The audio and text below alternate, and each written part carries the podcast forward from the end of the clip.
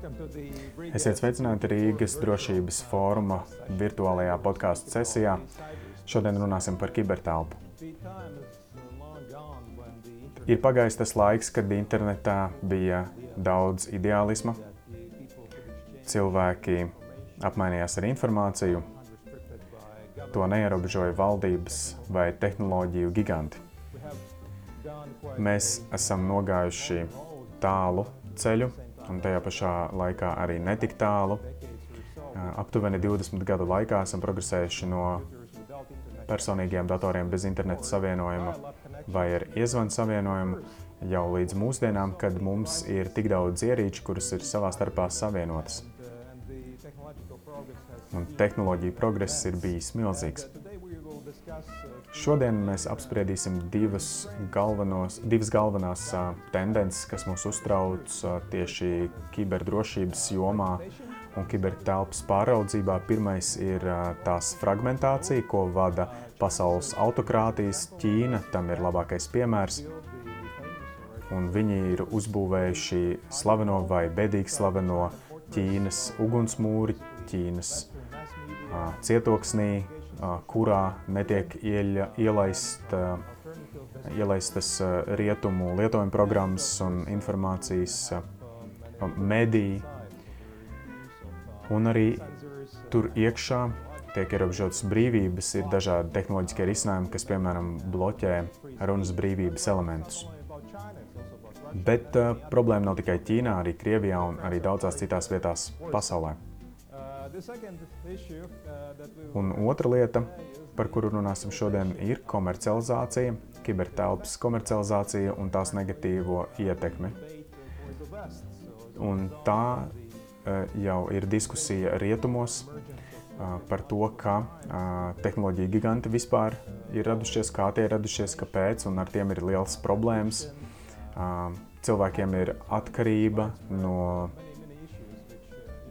no interneta risinājumiem, un ir dažādas citas vēl negatīvas tendences, un kā ar tām cīnīties, un kā ar tām cīnās valdības visā pasaulē, un kā tās cenšas ieviest jaunas politikas, lai ierobežotu tehnoloģiju gigantus.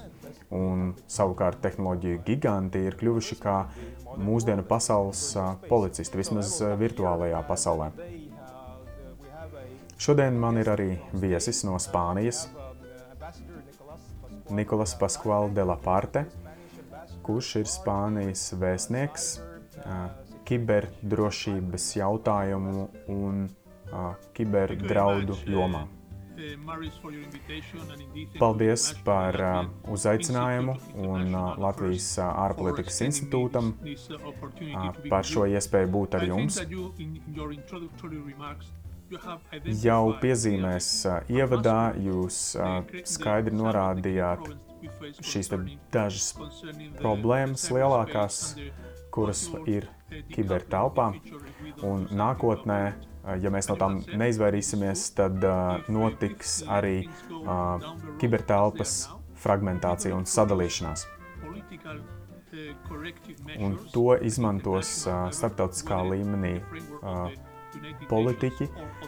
Um, un mums ir nepieciešams ieviest arī korekcijas.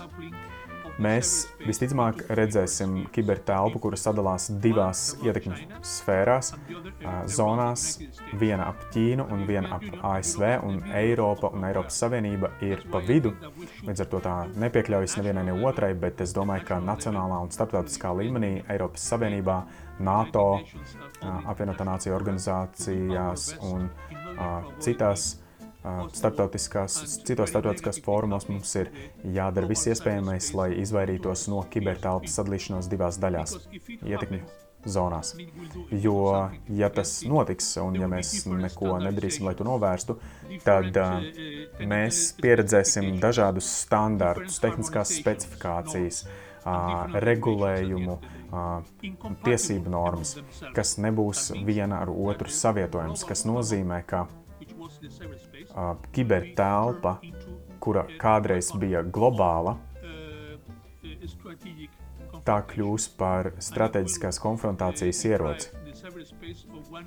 Un kibertelpa uh, arī zaudēs vienu no savām lielākajām priekšrocībām, kas nodrošina komunikācijas starp uh, cilvēkiem, indivi, individuāliem cilvēkiem un kompānijām.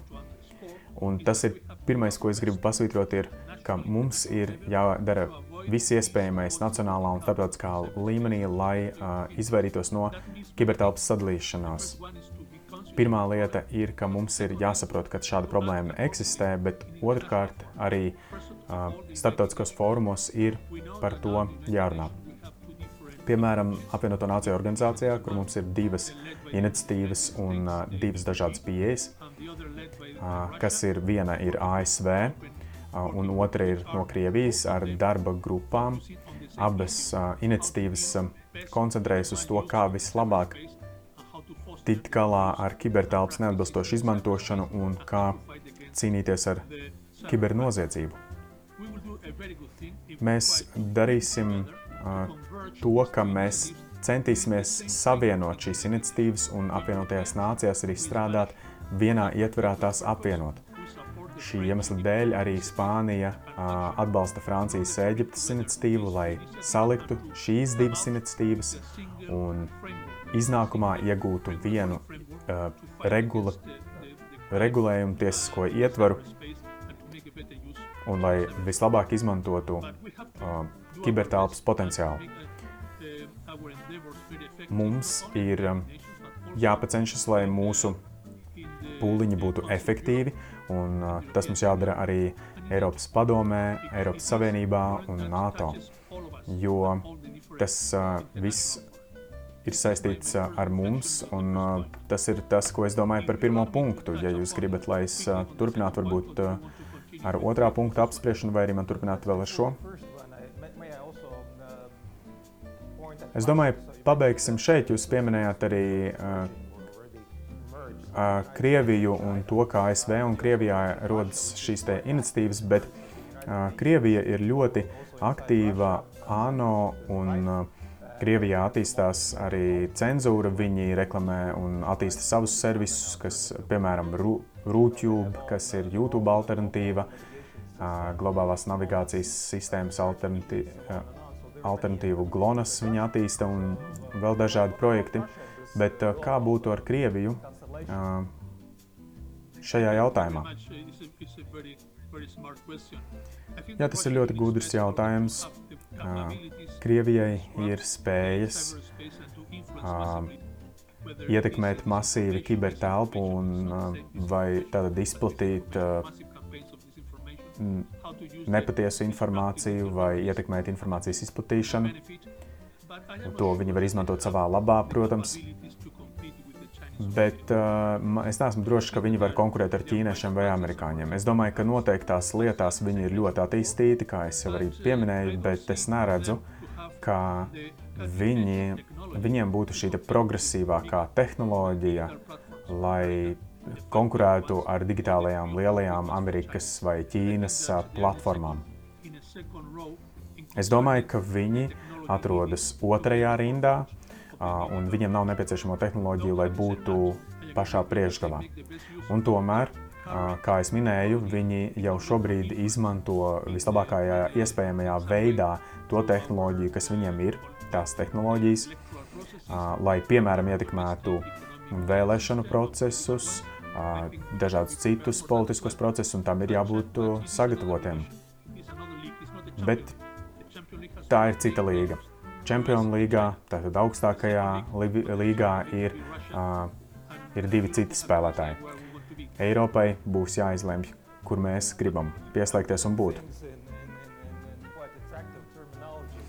Paldies jau par šiem salīdzinājumiem, diezgan pievilcīgi tie ir. Un mēs arī apspriedām par to, ka ir šīs dažādas iniciatīvas. ASV, protams, cīnās par savu principu aizstāvību kibertelpā. Un tomēr es gribu pateikt, man ir jautājums, kibertelpa, piemēram, pēc 20 gadiem, vai tā būs fragmentētāka, vai tā aizies otrā virzienā, vai tā apvienosies kaut kādā veidā. Tas ir ļoti grūts jautājums, uz kuru atbildēt. Man kristāla bumbas nav. Nezinu, kā attīstīsies pasaule 20 gadu laikā, bet es pateikšu tikai to, ka ja mēs vēlamies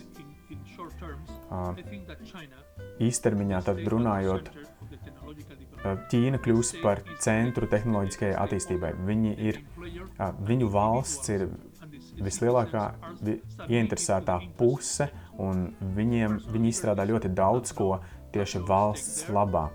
Personiskā brīvība un drošība viņiem nav tik augstā līmenī, tāpēc valsts intereses ir augstāk. Un partija ir šīs skatuves pašā centrā. Kibertelpā no otras puses mūsu draugi amerikāņi, pie viņiem runa ir par uh, lielo kompāniju interesēm. Un tāpēc viņi, vi, viņus interesē, kā vislabāk un visvairāk gūt peļņu uh, savām lielajām kompānijām. Bet mums Eiropā uh, ir vēlme uh, pašā centrā novietot cilvēku, patērētāju, individu. Un ko es ar to domāju, ir cilvēku tiesību ievērošana, personisko brīvību ievērošana. Tas ir pats svarīgākais. Tieši tāpēc mums ir arī tiesiskais regulējums, lai mēs arī paustu to, ka mēs esam ieinteresēti uh, stingri ierobežot un regulēt kibertelpu. Es saprotu, ka tas ir tā, ka tiesnesis taču nav tas, kas uh, iesit vārtus, uh, uzbrucēji iesit vārtus, atkal salīdzinot ar futbolu, bet uh, šie lielie spēlētāji, Ķīna un ASV. Bet mums, Eiropiešiem, ja mēs sevi salīdzinām ar šo tiesnesi, tad mums ir ārkārtīgi svarīga loma šīs telpas uh, regulējumā, un ja mēs varam pārvērst mūsu uh, regulēšanas un tiesību ievērošanas kontrolas spējas, tad, tad mēs tik tiešām panāksim arī attīstību privātuma jomā un cilvēku tiesību ievērošanu jomā. Tātad mums ir potenciāls kļūt visai pasaulē, visai pasaulē parādīt, kā uzraudzīt šo telpu un kontrolēt Ar to gan, protams, nepietiek. Mēs šobrīd runājam par Ķīnu, par ASV, kuri cīnās industriālā, tehnoloģiskajā veidā, un viņi šobrīd spēlē tajā augstākajā līmenī.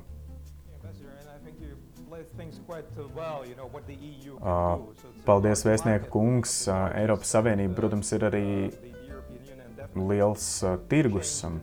Mēs arī noteikti varam izmainīt arī vispār šo te uh, ainu un, un darbību ar, ar saviem regulējumiem, bet tagad mēs arī varbūt uh, tā pāriesim uz šo komercializāciju, par ko jūs pieminējāt, kā Amerikā ir Facebook, Netflix, Google un daudzas citas kompānijas, kuras dominē rietumu pasaulē, kibertelpā, un tās dara aizvien vairāk, protams, lai ierobežotu kaut kādas negatīvas tendences sevi, iespējams, bet Facebook ir viena politika, varbūt kādai citai platformai ir cita, un tā tālāk. Un savukārt Eiropas Savienība ir diezgan tālu, lai tieši ietekmētu to. Kā jums šķiet komercializācija, ko jūs domājat par to un kāda ir tās negatīvā ietekme? Paldies liels par šo jautājumu. Esam šobrīd pirmajā posmā, tādā vēstures posmā, kad mēs izstrādājam jaunas tehnoloģijas. Līdz šim, tātad es runāju par pēdējiem 20 gadiem. Amerikā ir izstrādātas lieliskas digitālās platformas. Un tās iekļaujas nacionālajā un starptautiskajā regulējumā, vai arī vēl neiekļaujas, tāpēc arī tas ir līdz šim tā bijis. Bet tam ir jāmainās. Un visi šobrīd secina, kā mūsu amerikāņu draugi un mēs, Eiropieši, secinām, ka uh, mums ir nepieciešama kibertelpa, kas visā pasaulē ir labi regulēta, un kas būs ar mūsu datiem. Dati patiesībā ir galvenais digitālo ekonomiku aktīvs, un dati līdz šim tiek iegūti tā, ka uh, platformas tos iegūst par velti. Par, par mums, tad ikreiz, kad mēs izmantojam ierīci, vai tas būtu vietālrunis, vai dators, vai platforma, lai arī kas tas būtu, mēs paši apstiprinām, ka atdodam savus personiskos datus, un mums par to nemaksā. Nu, ja man būtu jāsalīdzina, tas ir 19. gadsimtā naftas uh, uzņēmumi, viņi vienkārši veica naftas urbumus un nevienam nemaksāja, bet uh, pārdeva to tirgu un braucējiem, uh, autovadītājiem. Tad tagad dati tiek iegūti bez maksas, bet tie tiek pārdoti par naudu un par lielu naudu. Viņi ļoti, viņiem ir ļoti liela ieguvuma. Līdz ar to mums ir jāuzsāk šis otrais posms, ir jārunā par to, kā regulēt datu monetizāciju, kā novērtēt datu cenu un cik tas maksā privātpersonai vai uzņēmumam katru reizi, kad mēs nododam noteiktus datus, vai tie tiek iegūti par mums, ir nepieciešams saņemt mūsu nepārprotamu atļauju. Un tad, pirms tā nonāk kaut kur mākoņu serveros, un transnacionālas kompānijas ar tiem tirgojās. Un otrkārt, kā maksāt nodokļus, jeb fiskālā problēma. Mēs runājam par to, ka starptautiskās platformas nemaksā nodokļus noteiktās valstīs, un viņas maksā nodokļus tur, kur, tur ir zemas, kur ir zemas likmes. Tas nozīmē, ka OECD valstīm ir jārada fiskālā arhitektūra, kas ir piemērojama uh, starptautiskajiem digitālajiem uh, darījumiem, kurus veids lielie uzņēmumi. Es domāju un zinu, ka tas ir sarežģīti, jo uzņēmumi, kas, protams, ir strādājuši līdz šim un strādājuši veiksmīgi, negribēs maksāt vairāk nodokļu, bet mēs esam tajā pozīcijā, kad mēs varam ar viņiem spriest, runāt par to. OECD un arī citos fórumos mums par to ir jārunā, par to, kā izmainīt fiskālo struktūru digitālajām kompānijām. Monetizācija un fiskalizācija tātad. Un uh, vēl viena problēma līdz ar šī raidieraksta tuvošanās beigām. Šobrīd uh, jūs, jūs tātad pieminējāt divus gravitācijas centrus, tehnoloģiskie giganti, gan programmatūras, gan aparatūras līmeņos. Problēma ir, ka Eiropai ir jāizlemj tātad, kibertelpā vai būt ar šiem te tehnoloģiju gigantiem, Un runa jau nav tikai arī par uh, ko citu, bet gan par drošību uh, vidē, kurā mēs darbojamies. Uh, ko darīt Eiropas Savienībai, lai veicinātu tieši Eiropas tehnoloģiju gigantu attīstību? Ja tādi te rodas. Pirmkārt, Eiropas Savienībai ir jāsaprot sava kopējā svarīgā pozīcija globālajā kibertelpā, un vēl mums ir jāuzņemās atbildība par to, kas mums sanāk vislabāk, ir veidot tiesisko ietvaru un regulējumus, un kā izveidot arī visas Eiropas ietvaros vienotu tādu kā tehnoloģisko bāzi. Mums ir tādas kompānijas, piemēram, Nokia, Ericsson un vēl citas, kuras ir ļoti svarīgas. Protams, ka tās nevar cīnīties Čempionu līgā, atcaucoties uz iepriekšējo atsauci starptautisko platformu lielajā līgā, bet mūsu platformas izmanto mūsu labākās zināšanas un labākās eiropiešu iespējas Mums ir arī projekti, Francijas un Vācijas kopīgie projekti, piemēram, ar mākoņu servera izveidi, kur var pievienoties tieši Eiropas kompānijas. Es domāju, ka mums būtu jāveicina šo projektu attīstība, kā arī mums būtu jāveicina arī Eiropas datortehnoloģiju laboratoriju attīstību, kur mēs varam izstrādāt dažādus risinājumus un kur mēs spējam radīt arī kaut kādus revolucionārus atklājumus un pārāvumus. Un, neskatoties uz to, ka arī jau esošās platformas ir aizgājušas no mums ļoti tālu, mums ir jābūt selektīviem. Mēs nevaram, mums ir jāizvēlās, ar ko mēs varam konkurēt, ar ko mēs vairs nevaram konkurēt. Mēs vairs nevaram, piemēram, panākt kādu, kuram ir uh, liels priekšrocības uh, un uh, ilga attīstība bijusi. Tāpēc ir jāizvēlās noteikts nozars. Uh, tirdzniecībā, uh, jaunu risinājumu izstrādē, enerģētikā, kultūrā un arī citās. Tas ir jāidentificē un jāsaprot, kā mēs uz tā varam uh, uzbūvēt tieši Eiropas digitālās platformas. Un varbūt tad pēdējais punkts par NATO, jo tas galu galā ir Rīgas drošības fórums. Nav nekāds noslēpums, ka, ka kibertelpa ir arī viena no telpām, kurā ir iespējams tātad veikt šo kara darbību, vai kā jums šķiet, vai NATO dara pietiekami, vai ir iespējams darīt vēl vairāk?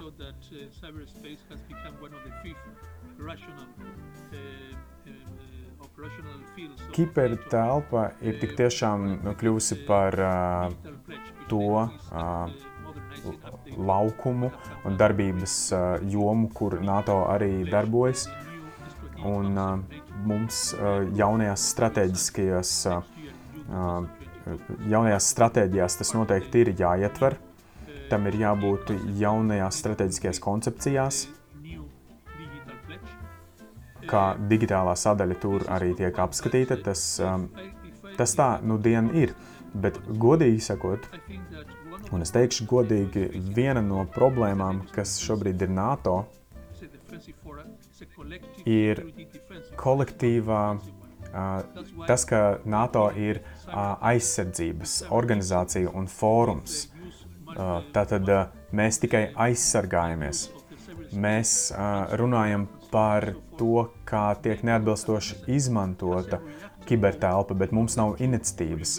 Mēs, ne, mēs nevaram, mēs reaģējam tikai. Bet, kad jau ir noticis, piemēram, kāds uzbrukums vai arī netiek atbilstoši izmantota kibertelpa, tad mēs jau vairs neko nevaram darīt.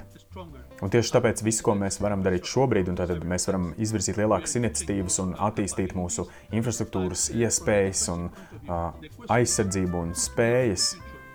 Bet jautājums ir, vai NATO nākotnē varēs pieņemt jaunu, proaktīvāku pieeju, vai arī pat, es teiktu, vairāk uzbrukošu pieeju, uh, ja tā kļūs par kolektīvās drošības organizāciju. Vai NATO var darīt vairāk? Es domāju, ka arī individuāli ASV, apvienotā karaliste un citas, es domāju, arī varētu iet savu ceļu. Jo mums šķiet, ka arī pret individuālām valstīm un biedriem tiek vērsti kiberuzbrukumi, iespējams, tie jau ir bijuši vērsti. Tāpēc es teiktu, ka problēma būtu jārisina tā, ka mums ir jā, jāaiziet no aizsta, um, aizsargājošas stratēģijas uz vairāk proaktīvu un uzbrukošu. Nu, un, protams, ka šis nav um, pasaules gals, un um, um, tas ir uh, lielisks uh, punkts, kad uh, pabeigt šo diskusiju. Uh, paldies, Vēstnieka kungs, par uh, ieskatu tajā, kas šobrīd notiek kibertelpā, un arī par ieskatu nākotnē. Paldies jums no Madrides! Un uh, arī citas Rīgas drošības fóruma. Uh, citos Rīgas drošības fóruma podkāstos mēs runāsim arī par citām drošības uh, aspektiem. Un man šķiet, paldies arī jūsu podkāstam, jūsu fórumam. Man šķiet, ka par šīm problēmām ir jārunā pēc iespējas vairāk un plašāk.